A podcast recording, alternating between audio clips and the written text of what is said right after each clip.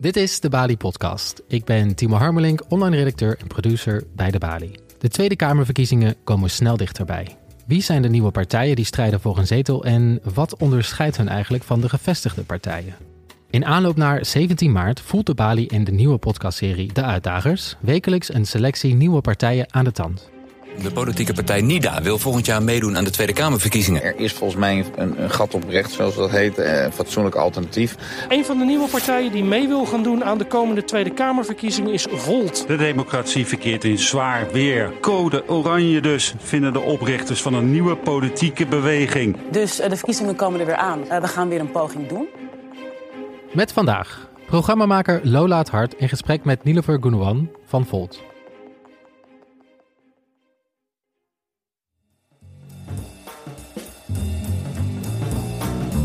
Gaan het vandaag hebben over het partijprogramma en de visie van de pro-Europese partij Volt.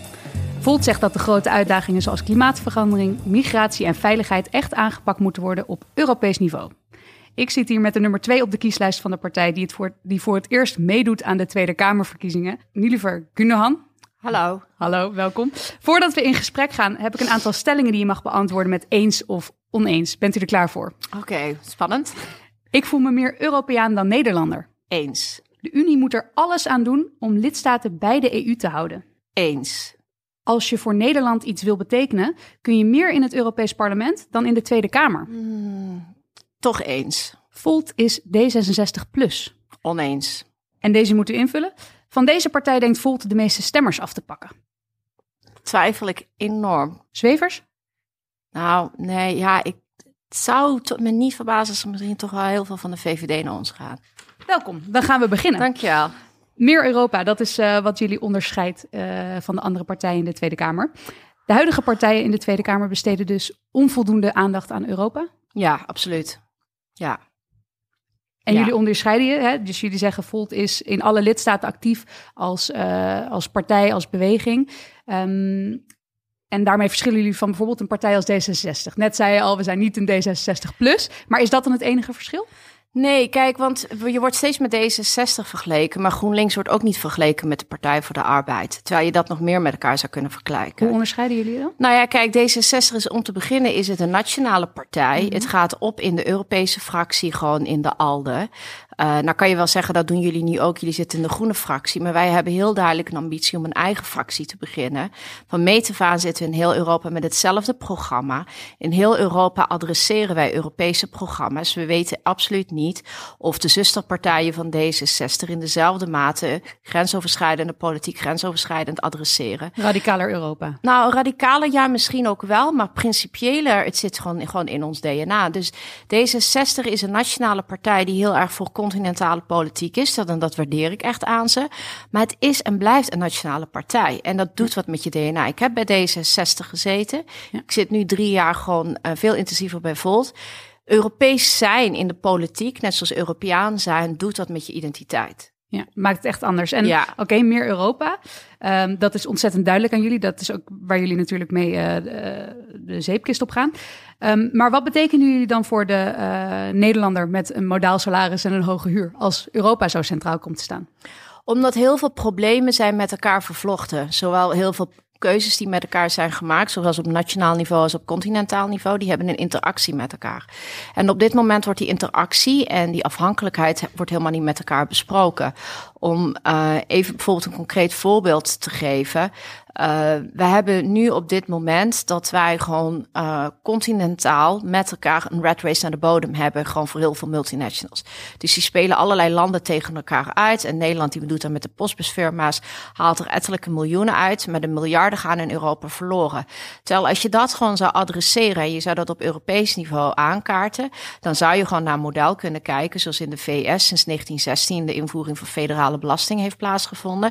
Zou je continentale belastingen in kunnen voeren. En dan kunnen de Apples en de Googles van deze wereld ons niet met een habbekrats aan uh, belastingen uh, toewerpen, maar echt fors betalen gewoon. Want het is dit continent dat heeft geïnvesteerd ja, in precies. medewerkers waar zij gewoon direct van profiteren en consumenten waar zij indirect van profiteren. Dus het lijkt me hoog tijd dat zij ook eens een keer terugbetalen, die publieke investering. Grote, grote veranderingen zoals het basisinkomen, daarvan zeggen jullie Europees niveau, dan heb je dat geregeld. Je moet ja. Europees Europees denken wil je de grote problemen die allemaal, of dat nou gaat over criminaliteit of multinationals of klimaatvervuiling, vanuit, als zelfs Duitsland het al niet lukt, wat de grootste economische macht is, de grootste politieke macht in de EU, waar staan wij dan nog? Dus dat, dat realisme, dat is gewoon, denk ik, gewoon heel belangrijk om daar eerlijk over te zijn. En dat doen veel partijen gewoon niet.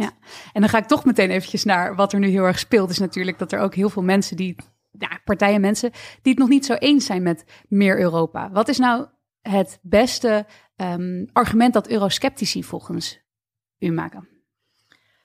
Beste argument dat eurosceptici volgens ons ja. maken. Nou, eurosceptici hebben echt wel een aantal punten hoor. De, de EU is absoluut onvoldoende democratisch uh, ingericht. Het Europees Parlement heeft zo bijvoorbeeld te weinig mandaat en ruimte. Uh, het heeft bijvoorbeeld geen recht tot initiatief. Het mag geen eurocommissaris afzonderlijk gewoon naar huis sturen. De Europese Raad trans opereert opak. We weten helemaal niet wat er achter de gesloten deuren plaatsvinden. Heel veel stukken uit de Europese Commissie worden geoormaakt als zijnde gewoon technische discussies. Dus die worden gewoon ontrokken aan politiek. week. Dus er is gigantisch veel wat verbeterd moet worden. Maar mind you, er is ook heel veel wat in Den Haag verbeterd moet gaan worden. Van de toeslagenaffaire die we in de afgelopen periode hebben gezien. Tot en met uh, allerlei andere kwesties waarvan ja. je je af kunt, kunt vragen van zitten we nog wel op de right track. Dat de rechter eraan te pas moet komen bijvoorbeeld om in de kwestie van Urganda Nederland te houden aan het uh, handtekening die in Parijs is gezet. Ja. Ik wil toch even terug nog naar dat Europese, want zo meteen ja. wil ik graag ook nog door op uh, de werking van democratie waar jullie kritiek op hebben. Um, maar het eerste wat ik hoor is oké, er is dus kritiek op de Europese Unie en de werking daarvan. Daarin kunnen jullie een heel stuk meegaan. Um, uh, maar als ik bijvoorbeeld kijk naar de Nederlandse aanpak van uh, corona, nou dat gaat best wel slecht. Terwijl een partij zoals, uh, of nou ja, een, land zoals het Verenigd Koninkrijk is uit de Unie gestapt, daar gaat dat best wel lekker. Dus zit er niet ook een voordeel aan uit de Unie stappen dan? Nou, ik denk dat het in het geval van corona. Uh, Engeland een voorbeeld, voordeel heeft wat wij onderschatten, wat wij natuurlijk Europees hebben, uh, compleet hebben verwaarloosd. Kijk, zij hebben de fabriek van AstraZeneca daar zitten. Dat is natuurlijk wel echt een hele belangrijke, waardoor zij een bepaalde ruimte hebben die wij niet meer hebben. En dat al heel lang ben ik van mening dat Big Pharma veel meer gereguleerd moet worden. En dat we meer vanuit een zelfvoorzienende gedachte, dat wij zo kwetsbaar zijn in onze medicijntoevoer. Dat vind ik eigenlijk al heel erg uh, onhandig. Ik denk wel dat als wij, we hebben in Nederland op dit moment, bij mij weten, in ieder geval geen fatsoenlijke medicijnproductieplek. Wij zijn sowieso kwetsbaar. Dus wij als Nederland kunnen ons niet vergelijken met het Verenigd Koninkrijk in deze. Los van de pijnbak die de NHS voor de rest is, want hun gezondheidszorg is voor de rest echt gewoon, daar valt, dit hebben ze dan wel goed, aardig goed in ieder geval tot nu toe. Er ligt gewoon, ook dit is een punt wat ik van denk, van juist omdat dat Europees niet continentaal is aangepakt. Dit is van mij te van gezegd, ieder land voor zich. En op het einde werd er toch een beetje met hangen en burger werd gezegd, we gaan gezamenlijk die vaccinatie aanpakken. Als we dat nu niet hadden gedaan, hadden we denk ik nog beroerder voor gestaan. Ja, um, maar als je nu kijkt naar hè, de Unie is dat nu wel aan het doen. Dat gaat nog steeds best wel moeizaam. Um, dus eigenlijk de kritiek die je dus toch nog best wel vaak hoort, dat dus de Unie zelfs in crisistijd niet veel gedaan krijgt. Um, die hoor je nog. Heeft Volt daar dan een oplossing voor? Ja, met dit is dus hom of kuit. Wat willen we nou met die Unie? Willen we een sterke Unie? Dan moeten we een buitencrisistijd eigenlijk gewoon transparanter en sterker gaan maken. Want wanneer het goed gaat, dan jankt iedereen even om het even heel plat te zeggen. Oh, er moet minder Europa komen. En zodra uh, het brand is in Europa, dan zegt iedereen: ja, er had meer Europa moeten zijn. Dus make up your mind. Ja, en dus, maar dus, hè, dus um, een van de um, kritiekpunten op, de, op het Europees Parlement of de Europese Unie is het vindt plaats achter gesloten deuren, wat je al zegt. Um, daarvan zeg je dus, dat is waar. Het vindt plaats achter gesloten deuren. Dat moet radicaal anders. Het moet radicaal anders. En ook Op wat voor manier? Nou, en die transparantie en die bevoegdheden. Kun je een dus, voorbeeld geven? Nou ja, terug naar corona. Dus die hele illusie dat wij in staat zijn om afzonderlijk een pandemie te beslechten. Terwijl we zo ontzettend afhankelijk zijn van elkaar. Als het beleid van het ene land compleet averechts staat op het andere land, dan heeft het dus helemaal geen zin. Denk je echt dat corona om een paspoort vraagt? Ik dacht het niet. Dus wat willen we nou? Willen wij, dus het gaat ook om het model van hoe wil je kunnen functioneren. En dat laat zien dat wij onvoldoende goed hebben nagedacht over Europa. De eurosceptici zijn er als de kippen bij om te benoemen wat er niet goed over na is gedacht.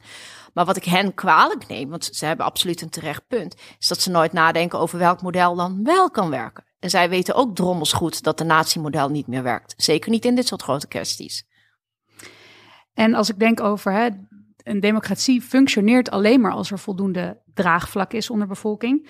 Ehm, maar doen jullie dan nog voldoende voor een gewone Nederlander als jullie alleen maar bezig zijn met het grote Europese veld de hele tijd moeten inschatten?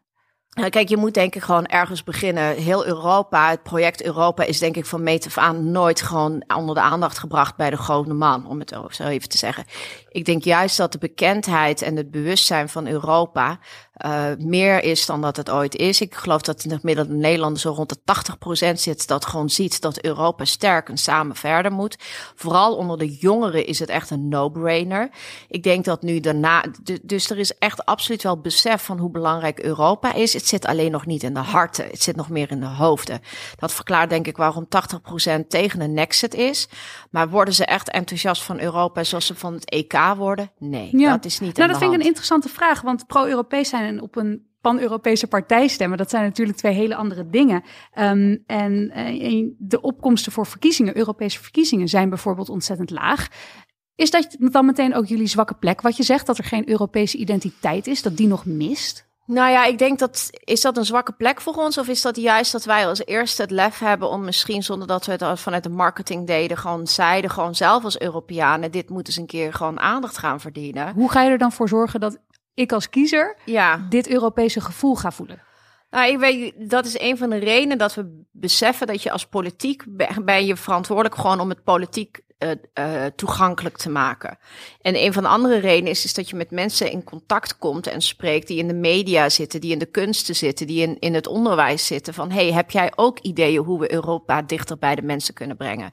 Dus wij hebben absoluut een taak om de Europese politiek hapklaarder te maken. Het is complex, maar wel toch toegankelijker op zijn minst. Zonder het banaal en plat te maken.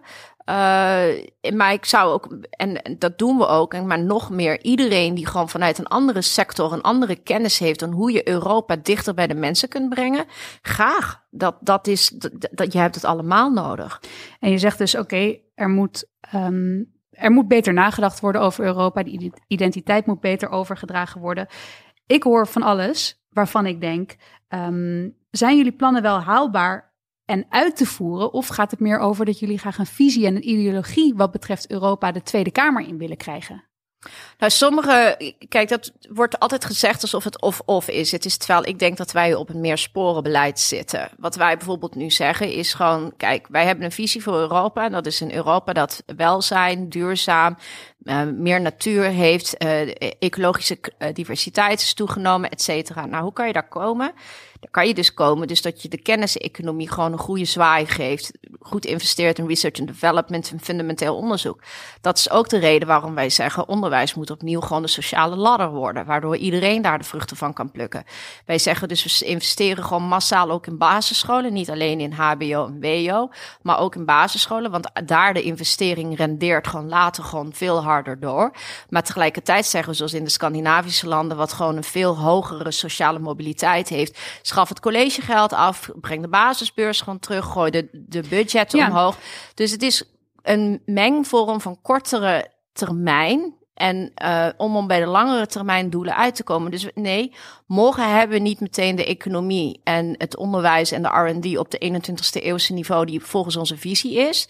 Maar we willen daar wel het liefst vandaag nog aan beginnen. Nou, dat is interessant, want je hebt het dus over die korte en die lange termijn. Als ik aan jullie plannen denk, aan een pan-Europese partij, dan het eerste wat mij opvalt is, uh, hoe zorg je er bijvoorbeeld voor dat de Nederlandse boer en de Hongaarse boer achter hetzelfde beleid kunnen staan? Ik denk dat je dat uh, kunt doen door uiteindelijk gewoon wat is de opdracht waardoor zij beide aan het boeren zijn. En dat is dus deels omdat ze hun vak denk ik gewoon leuk vinden. Deels ook omdat ze gewoon aan de voedselvoorziening willen deelnemen. Dus ik denk dat je, dat je gewoon stukken zingeving moet proberen te combineren gewoon met gewoon de voedselproductie. En de voedselproductie van de 21ste eeuw die zal gewoon een heel groot deel high-tech zijn. Uh, dat is in ieder geval wel de wens van Volt. Minder belastend voor mensen en milieu en voor dieren ook. Veel vriendelijker. Dus wij geloven ook echt in een oplossing van alternatieven voor vlees als wel voor petrischaalvlees. Praktisch gezien gaat dit toch gewoon wel heel lastig worden, toch? Dat je eerst binnen Europa, binnen alle lidstaten waar Volt actief is, met elkaar moet afstemmen. En dan vervolgens neem je dat mee naar een Europees parlement, waarin je dan ook nog eens weer je tegenstanders moet zien te overtuigen. Duurt dat niet allemaal gewoon veel te lang? Ja, nou aan de andere kant, het is wel het Europees Parlement geweest dat in tegenstelling tot de, tot de commissies waar de landbouw in zaten, die bijvoorbeeld hebben ingestemd met de Vega-burger. Dus je ziet heel vaak dat het Europees Parlement veel progressiever is en dat alle leden van het Europees Parlement uit alle verschillende landen ook vaak veel meer vanuit een continentaal belang gewoon kunnen zien. En dus dat ze veel minder gewoon zitten op het direct ikke, ikke, ikke en de rest kan stikken. De zero-sum game is echt meer voor de raad en voor de landen. Het parlement zie je dus echt dat ze zoeken, op zoek zijn naar die win-win. En dat is denk ik wat Volt ook gewoon enorm aantrekt. Dat wij ervan overtuigd zijn dat zo werkt Volt namelijk ook. Wanneer wij met elkaar gewoon in gesprek gaan met alle verschillende Europeanen, zitten we altijd gewoon te zoeken naar gewoon ook als ik iets win, dat jij ook iets kunt winnen. En als het niet vandaag of morgen is, maar wel op termijn. Dat je niet wordt vergeten of dat er een alternatief, een nieuw antwoord voor jouw vraag komt. Ik denk dat dat ook echt iets is wat het Europees Parlement sterker heeft ontwikkeld dan het landje-pik-achtige stamhoofdgedrag van de Europese Raad. Wat toch echt gewoon heel erg korte termijn is. En kijk mij scoren en ik kom terug zoals Bobke Hoekstra deed. Want ik heb gewoon even in Hmm. Europa die Italianen de maat genomen. En hé, maar als, als we het hebben over landen die het überhaupt eigenlijk niet zo goed voor hebben met eh, de democratie in Europa, zoals Hongarije en Polen. En jullie zijn van plan, jullie zeggen oké, die democratie moet beter. Is het dan niet gewoon een idee om landen als Hongarije maar gewoon uit die Unie te zetten? Nou, kijk, in die gedachte ben je, heb je helemaal gelijk om ze uit de Unie te zetten. Maar de praktijk is daarin veel weerbarstiger. De, de enige. Maar je zou wel zeggen, als het kan, als het niet lastig zou zijn, zou je, zou je zeggen, we zetten ze uit de Unie. Nou ja, laten we in ieder geval het gewoon ter tafel leggen dat dat gewoon een stap is die we niet schromen. Verliezen we dan niet alle mensen die daar zitten? Steunen we dan niet, niet genoeg dat Europese gevoel, die Europese identiteit? Ik vind dat, kijk, in de kwestie van Hongarije. Hongarije staat nu al jaren gewoon volgens Freedom House. Gewoon is het al lang geen democratie. Het is echt gewoon, Hongarije is gewoon echt onder Orbán aan het afbranden. Het is, het is echt heel tragisch wat daar gaande is. Wat je met Hongarije exact moet doen. Ik heb daar met verschillende mensen. Die een staat wat, wat steviger erin dan de ander. Uh, ik zelf neig een beetje naar de robuuste kant, zal ik heel eerlijk zeggen. Binnen Volt niet, omdat je ook Hongaren anders daarmee gewoon tekort doet, die dan uh, daar ook zitten. Aan de andere kant, op een gegeven moment ben je gewoon door de goede kaarten heen. Dan moet je op een gegeven moment ook rood durven trekken. En dat rood artikel 7 procedure kunnen we helaas niet trekken omdat Polen, want daar is unanimiteit voor nodig op dit moment. En daarom wil Volt ook van die unanimiteit af. Kan Polen en Hongarije die sluiten met elkaar een passo doble, waardoor ze steeds elkaar gewoon redden. Dus dat is het hele lastige. Maar hierin. voordat dit gebeurt, hè, voordat je kan zeggen, we, we, we zetten Hongarije de Europese Unie uit. Um, uh, zij mogen op dit moment wel meebeslissen over wat er allemaal in Europa gebeurt. Ja. Oh, dus ook over Nederland. Over de Europa, over bijvoorbeeld corona-herstelfonds. Daarvan... Zij hebben, zij hebben, zo hebben zij kunnen bedingen dat, dat zeg maar gewoon toetsen over de rechtsstaat, dat dat twee jaar is uitgesteld. En in eerste instantie zegt Volt daarvan prima, want eerst moeten we er dus voor zorgen dat al onze belangrijke beslissingen juist op Europees niveau worden genomen, waarin Hongarije bijvoorbeeld mee mag beslissen. En dan pas wordt de volgende stap Hongarije eruit zetten. Maar tot die tijd ja, we zitten, kijk, weet je, de, de, uh, prima is denk ik niet het juiste woord. Het is gewoon een gegeven, net zoals gewoon je aan andere gegevens zit. Om het even bijvoorbeeld terug op Nederland gewoon te halen. Ik vind het gewoon echt een uh, enorme lacune dat wij in dit land een artikel 120 hebben die verbiedt dat wij aan de grondwet mogen toetsen. Maar voordat je dat gewoon hebt omzeild om gewoon de democratie verder uh, dicht te kitten, moet je twee keer door de Eerste Kamer heen. Nou, dit is een interessante, want hiervan denk ik, ik, ik daar ga ik er toch op in. Want um, dat is natuurlijk, dat is verboden, dat, dat, er een, dat de grondwet uh, getoetst mag worden uh, daaraan. Of nee, dat de rechters dat mogen doen. Jullie zeggen er moet een constitutioneel hof komen ja. dat dat wel mag doen. Terwijl dat nou juist dat wordt gezien als een bedreiging voor de, voor de trias politica. Dat een rechter dan wel eens op de stoel kan gaan zitten van de wetgever. Nee, dat is, dat is denk ik gewoon nu wat vaak gewoon populisten gewoon zeggen. Uh, omdat ze zelf gewoon te lui zijn of te opportunistisch zijn. Een van de twee, om de trias politica goed uit te leggen. Want de legislatieve macht, die maakt een wet. En als de legislatieve macht, om welke reden dan ook, de wet onvoldoende goed helder formuleert, dan ontstaat er ruimte. Dan kan een... Het hele idee van de wet is dan toch juist ook, zou je kunnen zeggen, dat er juist ruimte is om die in verschillende situaties op andere manieren te kunnen interpreteren? Ja, maar soms gebeurt het ook onder politieke druk, dat ze dat met elkaar niet goed eens worden over hoe de wet gewoon daadwerkelijk gewoon getoetst en geïnterpreteerd moet worden. Dus dan laten ze het open, zodat gewoon TZT het dan door de rechter gewoon wordt opgepakt. Dus soms is het ook echt gewoon een politieke manoeuvre om het open te laten. Um, wat er dan vervolgens gewoon gebeurt, en dit is bijvoorbeeld in Nederland, en hiermee kun je eigenlijk al meteen al een aantal politieke programma's gewoon uh, eigenlijk officieel zou je dan in de prullenbak mogen gooien. Ja. Die zeggen er is gewoon wel vrijheid van godsdienst voor onderwijs, artikel 23. Nou, dus Volt niet zo'n grote voorstander van. Dus wij zeggen nou liever eigenlijk niet. Mhm. Maar als je hem hebt, dan heb je hem en dan is hij dus gewoon geldig voor iedereen. Wat zeggen een aantal politieke partijen in Nederland, waaronder de PVV, die zeggen, en ook ja 21 overigens, ja het geldt voor iedereen behalve voor moslims. Nou, dan ben je artikel 1 van de grondwet en het schenden. Dat is dat namelijk iedereen gelijk is. Dus de hele grondwet geldt voor iedereen of geldt voor niemand. En dat zou dus gewoon bij een constitutionele toetsing nooit kunnen. Duidelijk. kunnen. Ja. En dat is steeds het punt. Wij hebben op Nederlands niveau, als al op Europees niveau, verdragen en wetten ontworpen waarvan wij als Volt zeggen, ja, oh, zitten, worden we niet echt heel blij van, om het zo maar eens even te zeggen. Maar voor de time being moeten we daar maar het beste mee doen. Totdat we nu gewoon uiteindelijk alle procedures, en dat kost nu eenmaal tijd, hebben doorlopen. Zodat we de democratie, zowel op Europees als op Nederlands niveau, beter hebben. Duidelijk. Jullie, jullie zeggen meer Europa, sterkere rol voor de overheid. Je mag strenger daarin zijn. Um, nou, e-, eigenlijk, hè, als ik dit hoor, jullie willen constant dat de overheid meer gaat doen. Maar als je om je heen kijkt, zie ik ook een toeslagenaffaire. Ik zie uh, privacylekken. Ik zie een vaccinatiebeleid in Nederland wat niet helemaal lekker loopt. En dan zeggen jullie bijvoorbeeld, we willen een ministerie voor digitale zaken. Um, denken jullie echt dat de overheid dit dan kan? Nou, regeren is vooruitzien. En wat wij in de afgelopen 30 jaar vooral hebben meegemaakt, en zeker in de afgelopen 10 jaar, is niet regeren, want er was geen vooruitzicht. Er was alleen maar geen plan ja, voor de Je moet het ook kunnen natuurlijk, niet alleen vooruitzien. Nou ja, er zijn genoeg slimme mensen. Ik vind het knap dat wij als die partij die pas drie jaar bestaat, zo ontzettend veel knappe koppen heeft gesproken en ontzettend veel kennis heeft opgehaald. Dus de overheid zou kunnen bepalen wat wel of niet nepnieuws ja, is? Ja, nou ja, weet je, de, de, de Wetenschappelijke Raad voor Regeringsbeleid geeft heel veel mooie documenten uit. Er zijn zijn heel veel andere uh, academici die ook gewoon ontzettend veel goede dingen aandragen. Vanuit Europa komt er heel veel. Er wordt gewoon geen bied mee gedaan. Nee, neem nou de Groene Amsterdammer. Die stond deze week ook gewoon van het dat de klimaatcrisis eraan stond te komen. Ook de media heeft daar gewoon decennia niks mee gedaan. Toch dan nog weer even terug naar het begin waar u zei. Um, hoor. Voordat we de Europese Unie gaan uh, aanpassen, moeten we ook misschien het Nederlandse, uh, de Nederlandse overheid onder de schop nemen? Allebei. Wat moet er dan specifiek in Nederland veranderen als het dan volt ligt? Daar moet gewoon veel meer visie komen sowieso in de grote, grote linie, gewoon op de langere termijn. Om even bijvoorbeeld een concreet voorbeeld te geven. Er zou gewoon onder Edith Schipper gewoon aanpak komen voor preventie in de zorg. Dat zou gewoon leiden uiteindelijk tot lagere consumptie van de zorg, omdat er meer mensen gezond zouden zijn.